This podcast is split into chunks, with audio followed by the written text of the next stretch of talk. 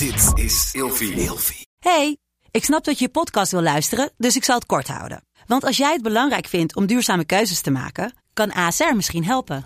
Nou hoor ik je denken, hoe dan? Nou, bijvoorbeeld bij het duurzaam herstellen van schade. Of de premies die we beleggen volgens ons duurzaam beleggingsbeleid. Dat bepaalt waar we wel en juist niet in investeren.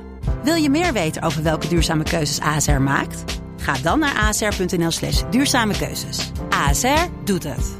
Zo, dan kan je nu lekker naar je podcast luisteren. Vroeger. Meneer de Munnik, we bespreken deze week het onderwerp kunstgeschiedenis. En in deze aflevering hebben we altijd een verhaal in de categorie overtuigingen en mythologieën.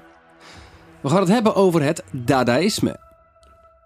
Het stamelwoordje van een klein kind. Dada. Doedoe. Dada. Het Dadaïsme is een soort ja, aanklacht tegen de waanzin waarin de wereld zich begaf tijdens de Eerste Wereldoorlog. Het Dadaïsme gaat uit van ja, pure emotie en dingen die zomaar ja, ont kunnen ontstaan. Iedere kunstenaar moet radicaal terugkeren naar zijn eigen kinderlijke creativiteit. Dat is wat men vindt of denkt. Nee, en uitvoert. Dus um, ze proberen eigenlijk op ja, de bestaande kunstwereld uh, ja, te chockeren. Door dus kinderlijk eenvoudige kunst te produceren. Oh. Een mooi voorbeeld ervan is bijvoorbeeld dat een van die kunstenaars die knipte allerlei plaatjes uit magazines. En die gooide die dan in de lucht. En die dwarrelde dan op de grond. En zo maakte hij er een collage van. Precies zoals het op de grond viel, plakte hij het in, maakte hij het vast. En zorgde hij voor een kunstwerk. Nou, dit is dus een, een, hele pure uiting van het Dadaïsme. Het komt uit Zwitserland, toch? Ja, het komt uit Zwitserland. Waarom Zwitserland, weet um, je dat? Nou, Zwitserland was een, een, neutraal land en heel veel bekende kunstenaars konden dus naar Zwitserland vluchten.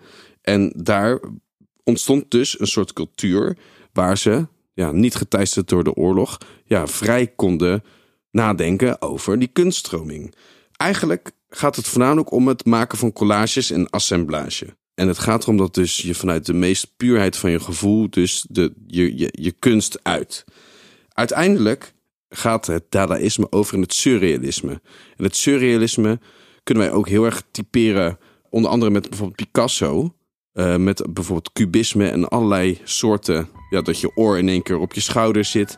En zo proberen ze dus eigenlijk de bestaande orde opnieuw op te schudden. En te zorgen voor nieuwe kunstinvloeden. Tot morgen. Vroeger.